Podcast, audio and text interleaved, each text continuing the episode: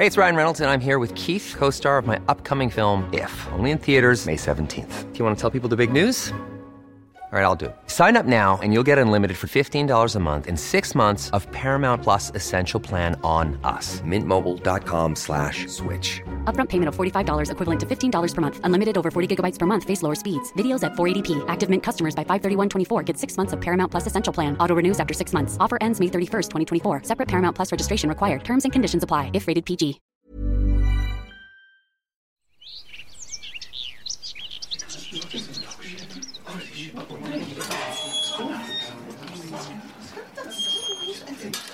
Now, are we all here?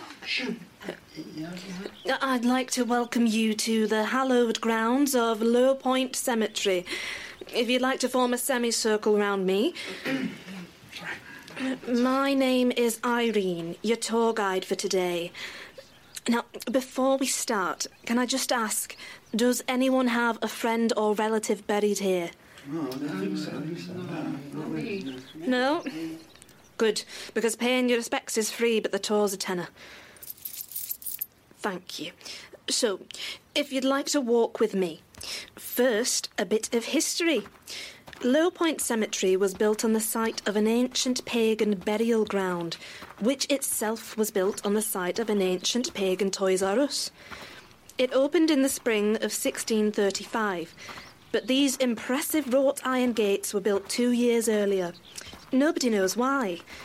Lowpoint is still a working cemetery, and as we make our way through the grounds, please don't stray from the path like a dog. There are some open family graves 30 feet deep, and we don't want you falling in and breaking your neck. It may be deeply ironic and financially practical, but trust me, no one comes out of it well.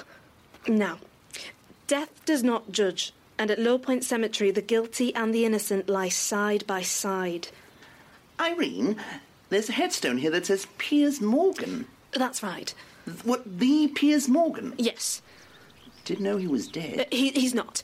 Every cemetery in Britain has a grave set aside for peers, you know. Fingers crossed. Many plots in the cemetery are very expensive and much coveted.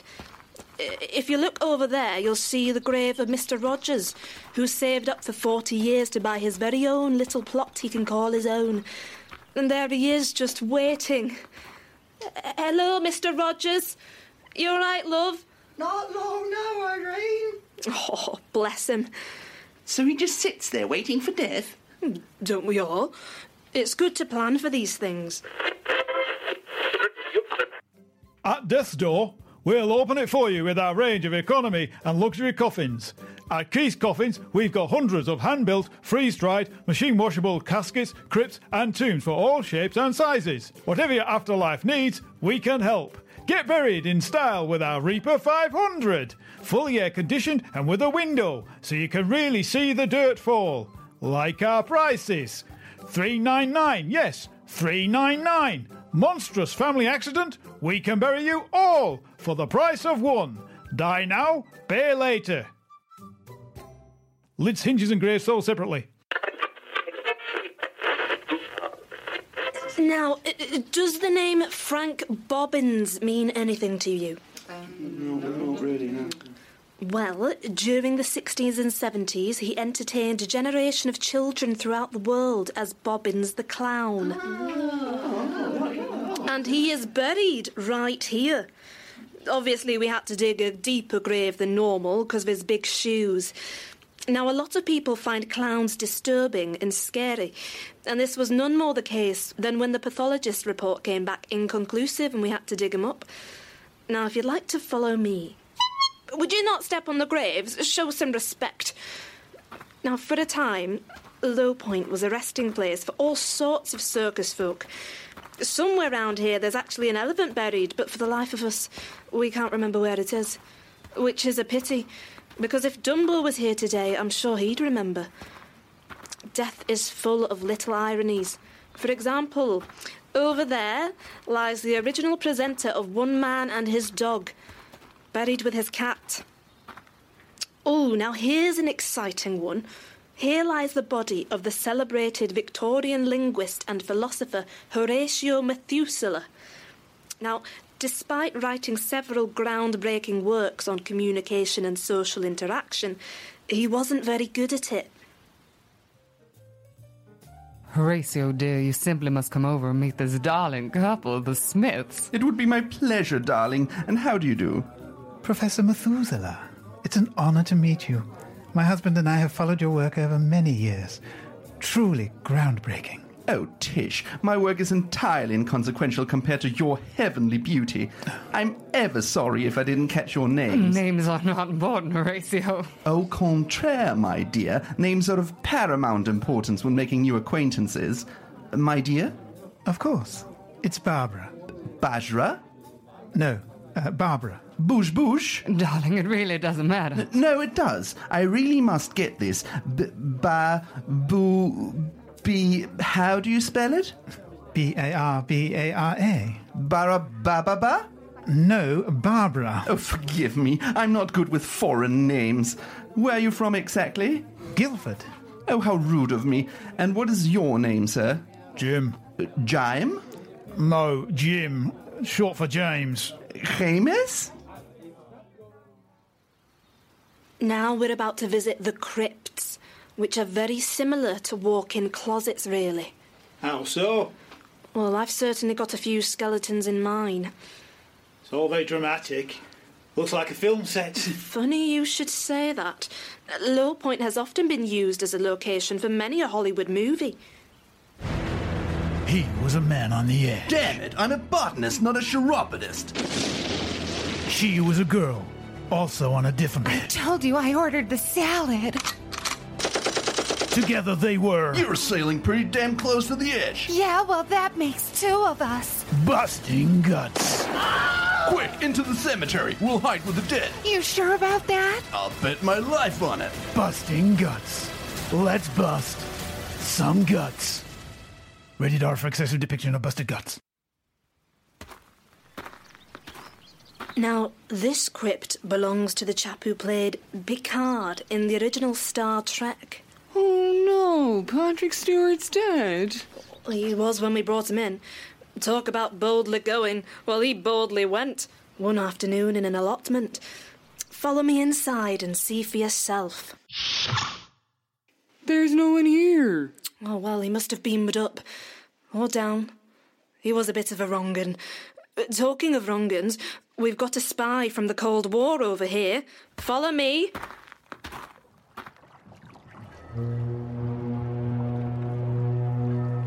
The red eagle flies tonight.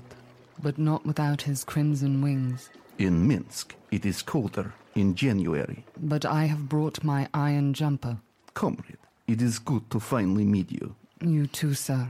Do you have the payment? Yes. Do you have the microfilm? Yes, and all the names, all fifty of them. Good. These traitors will pay for turning their back on Mother Russia. I hope it is worth the money your country is paying. You cannot put a price on loyalty. Thank you, sir. Goodbye. Wait, before you go. The life we have chosen is very solitary. We cannot afford the luxury of friends, yet I felt over the years we have formed a profound bond. Tonight I fly to Moscow, perhaps to my death. What I do will make me many enemies. This could be the last time we speak, so please, your name. Sh- Shepherd. Joan Shepherd. And yours? Davidov. Boobies Davidov. what? What's so funny? Is is your name really Boobies? Yes? Until I get the last bucket in my six. No, you cannot tell a soul you have seen me. What? I've just met a man called Boobies, and I'm not allowed to tell anyone. Billy's gonna love this. Stop this! what is her boss called? Tits Putin. I'm going to kill you! I'm going to wet myself.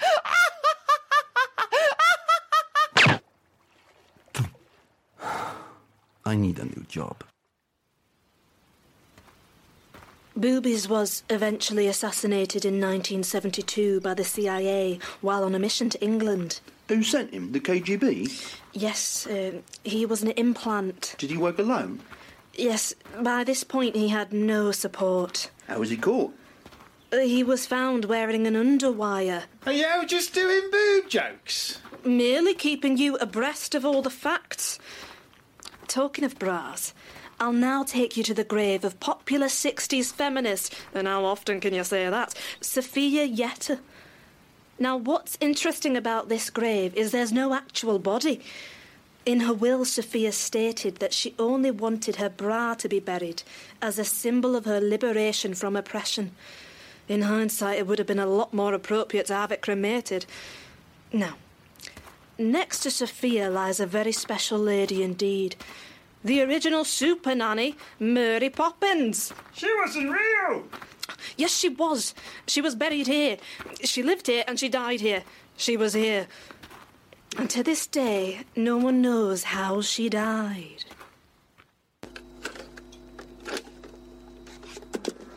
For the record, autopsy taking place May 6th, 1934, 10:33 a.m. Deceased female. Name M Poppins. Age 35. Height 5'5. Cause of death unknown. In attendance, myself, Lowpoint Coroner, Mr. EGBG, and pathologist Dr. GP Doctor. So we'll start with an incision above the base of the ribs, downwards towards the lower digestive tract. Contents lungs, liver, spleen, upper and lower intestines. One hat stand. Best remove that.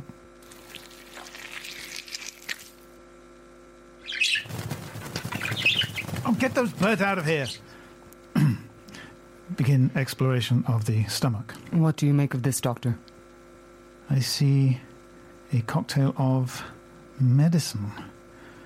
Not in a quantity that would have proved fatal. Curious. Doctor, have a look at this. Yes. It appears the stomach is also lined with a small quantity of sugar. Traces of which can also be found on the deceased's lips. How much sugar would you say was there? Hmm, about a spoonful. The sugar, it seems, not only reacted with the medicine, but also seemed to trigger a fatal allergic reaction due to her type 2 diabetes. Well, looks like she was wrong. Now, here's the grave that you've all been dying to see Karl Marx. That grave looks tampered with. Oh, yes, well, he was dug up last week to give a talk at the Oxford Union Debating Society. Mr. Marx, it's been noted that your Communist Manifesto has proven to be an abject failure despite its sound theoretical morality and social structure, in light of its systematic abuse at the hands of totalitarian autocracies, specifically under oppressive Soviet and Chinese regimes throughout the latter half of the 20th century and beyond. What do you make of such claims? Mr. Marx? Sigmund Freud, another titan of thinking about stuff, can also be found at Lowpoint. Freud, as we all know, spent a lot of time studying the relationship between a child and parents. July 12th, 1896. Most frustrating discourse with Carl yesterday afternoon. He's still utterly convinced that the dreamscape is representative of the collective unconscious, wherein lies the primary archetypes. Whereas I refuse to concede that dreams illustrate primarily nothing more than the logic of the unconscious mind. Clearly, this is a rift from which we cannot traverse. Now, if we can just. Ziggy, come and clean your room. It's a disgrace. Mom, I'm busy. You live under my roof, you live by my rules. M- Mom, I'm, I'm working. Don't answer back. Come here now. Oh, Mom. You don't work. You're all day writing and talking. You're 40 years old. Get a job. I've got a job. Where's the money? I give you some puck money, and what do you spend it on? Sweets. Carl's got a job at the hospital. His mother's so proud. I hate Carl. Oh, but you used to be so close. He's a big idiot. Oh, and so are you. That's very mature. That's very mature. Oh, oh, Seggy Peggy, I didn't mean to strike you. Come here for a hug. That's better. That's mm. better. Mm. What are you mm. doing? Nothing. You really need to move out. Fine, I'm going. Where are you going? I'm going to Carl's. But you hate Carl. I hate you more. Can I have the money for the bus? Here you'll see the grave of 19th century pugilist Olaf Jørgensen. You'll notice his grave is adorned with a stone effigy of a sleeping dog. This represents his faithful hound Thor, who never left his side. Thor attended every single match and led the funeral procession through the town to this very cemetery. It is said that Thor sat at his master's grave, keeping eternal vigil, day and night, until he himself expired and was bunged in with him. I was surprised to learn it wasn't even a boxer dog. Any dog lovers amongst you will notice this is a Great Dane, which is again ironic, as Jorgensen himself was, on the whole, an inconsequential Swede. Now, follow me. Tucked away under this bush, you'll notice a very tiny grave. It belongs to Simon Lumper. Now, Simon was the head of the Oompa Loompa Union at the chocolate factory until he sensationally led the strike of 1978. I'm sorry that you feel that way. May I ask why? Well, well, Mr. Wonka, for a start, singing. I thought you liked singing, It has absolutely no bearing on what we do. but I like it. You don't have to do it, it's embarrassing. Okay, no more singing. Now, will you please talk to the guys? Surely we can sort this out without taking such drastic measures. Sorry, Willie, we've had enough. I know what'll sort this out. Really? Yes! What? Well, come with me, and we'll be in a world of pure imagination. No, no, never mind all that. This is serious. Um, sorry, uh, look. Uh, Simon? Yes, sorry, Simon. You seem to be a reasonable lumper. I respect you, all of you. What do I have to do to improve the working environment? Monthly Ricks on payday. And we'd appreciate it if we were paid in something other than chocolate. But that's what we make. Yes, and we're sick of it. It's not like this is Ferrero Rocher. The staff there get to go home at the end of the day. We can't leave. I've never seen my son, ever. I didn't realize you felt like this. And the way we make chocolate, frankly, it's the most impractical and unhygienic method I've ever seen. Gavin fell in the lake and we still sold it. He had a cold sore. Which one's Gavin? You know, Gavin, short guy, orange face, green hair. It was his birthday last week. You remember? We gave him some chocolate. I'm sorry, Will, it's too late. We could all walk out of here right now. There are millions of jobs for people of our skill set. Like what? P- pantomime, s- circus, low budget horror movies, niche porn. Fine, we'll stay. Very quickly, on the left is the grave of Gladys Button, the inventor of the button. What? The inventor of the button. Yes, uh, yes, but uh, I haven't time to explain everyone. But it's the button. Yes, I know, but uh, moving on. One man I will spend a little extra time on is Sir William Henry Winkie, the most famous English naturalist of the Victorian era. Born in 1809, Winkie was one I'm of sorry. You said he was the most famous Victorian naturalist. That's right. Winkie, educated at Cambridge, was. I'm sorry, but what about Charles Darwin? What about him? Well, isn't Darwin more famous? Well, he's not buried here, is he? As I said, Winky went to Cambridge University and in 1831 he set sail for the Galapagos Islands on a voyage of discovery. Now picture the scene, if you will.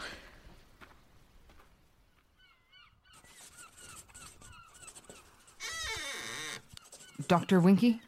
I'd prefer it if you knocked on my door in future. Uh, I did, sir, but it's very difficult to make yourself heard when you knock on wicker. All right, all right. What is it, Captain Fitzroy? The Beagle is setting sail within the hour. I've received word from Darwin on the southernmost tip of the island, and he. Oh, not that tosspot. What does he want now? It seems he's made a groundbreaking discovery and is most anxious that you join him.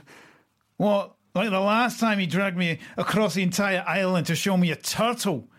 Time to get fucked. I- I'm sorry, I don't quite. Do you have any idea how boring that man is? Last Thursday, he spent five hours showing me a fucking leaf. I could, I could have been water skiing. Dr. Winky, Darwin is making exciting leaps and bounds in scientific research that'll echo through the ages. But we know about leaves. I've got a hedge. You're missing the point. If, if, if I wanted to spend a fortnight looking at leaves, I'd have stayed at home where all my stuff is. Winky, you are missing the whole point of this expedition. The whole point of this expedition is to discover, chart, and interpret data which will help us understand how we emerged as the dominant species on the planet. Not for me, it's not. It isn't? No. I came to get laid. Get laid? Yeah, you know, get a bit of a tan, get hammered, and get laid. Wee.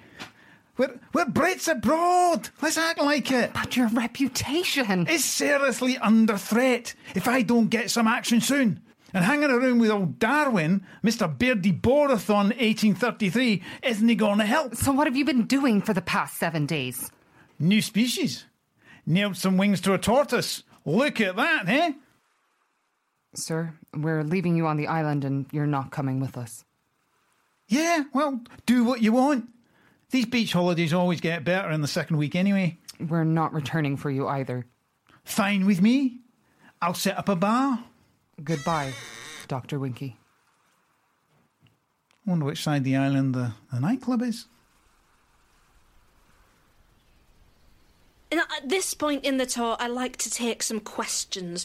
Does anyone have a question they'd like to ask? Uh, yeah. Uh, what's that plot over there with the freshly dug soil? Uh, uh, by the big tree? Yeah. Yes, it's not exactly part of the tour, but since you asked, that's our coma section. Your what? The, the coma section. We get them from the hospital and we stick them in there, So they're alive. if you like. If they pull through, we pull them out. If they don't, we don't. Can you do that? Well, they don't complain, and they don't ask difficult questions. Anyway, moving on. If you'd like to follow me, we can visit the mass grave of those poor unfortunates who died in the terrible outbreak of 1650, which historians have now labelled the Brown Death. Uh, the Black Death, surely. Oh, no, it wasn't all as bad as that. Well, what happened? It killed seven people, and a cat, and a mouse. But the cat could have killed the mouse, we're not sure. After all, they've got it in for them, haven't they, that lot? So none of the seven people have headstones. You don't always have to have a fancy grave, stuffed and mounted in a glass coffin, riding a horse, in a Spider Man costume, like him over there. As you can see, he's he's dressed as Spider Man, not not the horse. That would be stupid. Now, are there any Germans here? No. No. Nine. No? Well, good, because they ruined this place. They bombed it during the Blitz. Those headstones over there were destroyed due to constant shelling. Ignore the ones to your right. They're just ruined because we didn't look after them. You know, when they shelled the graveyard, a lot of people saw it as a tragedy. I just saw it as a waste of ammo. Okay, moving on. Sir, you look like you like a drink. Me? Uh, what would you say if I told you that buried over there are the famous Brothers Gin, whose wine guides delighted a nation? Never heard of them. Right, so, what have we got here? Let's see. Well, it's uh, red. Wine. And how does it taste? Well, uh,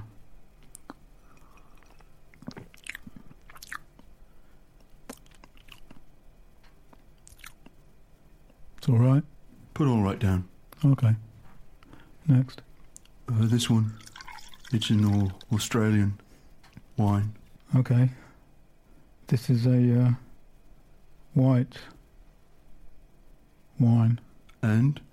It tastes. Uh,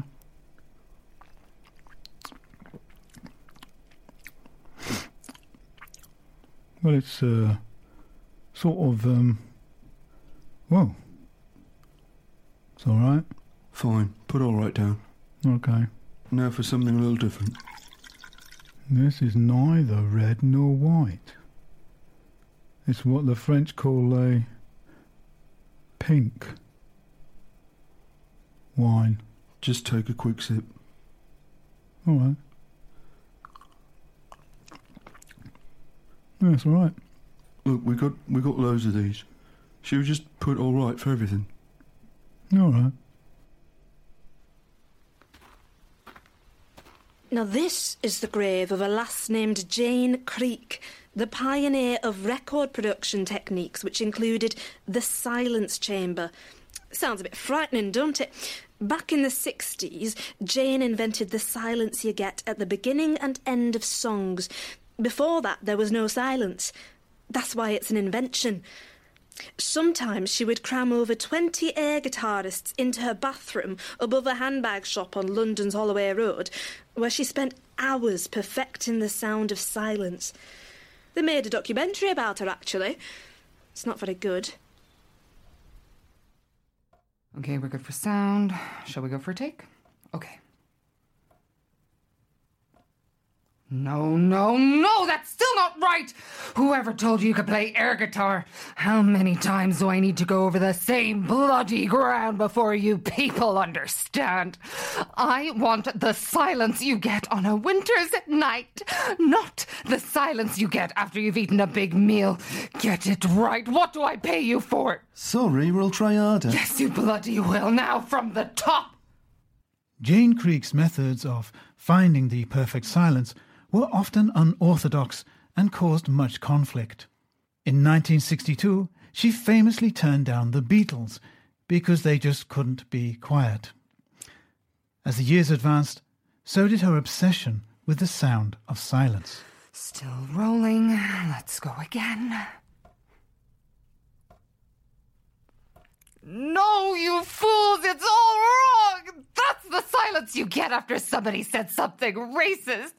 I want the silence of a woman who's lost to everything. Like that? Perfect. Eventually, Creek went mad, trying to emulate the silence in her head, and ended her own life. Quietly. This gentleman here, Benedict Raffles, was a notorious confidence trickster. He hit the headlines at the turn of the century, swindling £14 million by marrying some very wealthy cats who had themselves inherited vast fortunes from lonely old spinsters. Hello there. I say, I like your flavour. What's your name? Margaret. That's a pretty little name. I hope you don't mind me being too forward, but I noticed you from across the room, and as soon as I caught sight of your luminous green eyes and your wet nose, I knew I couldn't contain myself any longer. Ah! Shh! Please don't cheapen this, Margaret. I know it's sudden, and you may call me a reckless old fool, but I must have you. I want to become part of all of your nine lives. When your tail rubbed up against my ankle, I knew it had to be the tail that would rub against my ankle for the rest of my life. I know, I know, I feel it too. Listen, I'm situated on the fifth floor, room 502. I must retire, but I don't much fancy the book I'm reading. Now, what's all this? Who's this lovely young thing? Horatio, I'd like you to meet Margaret. Mugaroo? Now we've come to the end of our lovely tour.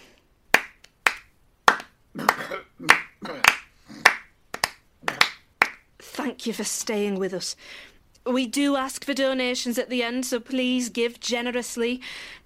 I would like to say, on behalf of all us volunteers, that we don't actually get paid for this, so it really is the dead who benefit. And I'm sure that were they able to speak, they'd thank you too. But they can't, which is a blessing because no one likes a zombie. Goodbye, everybody. Don't have nightmares. Lowpoint Cemetery was performed by Sarah McGillion, Kate Pemberton, Troels Andersen Kjær, and Gordon Torbet. Created and written by Adrian Mackinder, Hannah George, with additional material by William Hughes, produced and edited by Eoin O'Sullivan.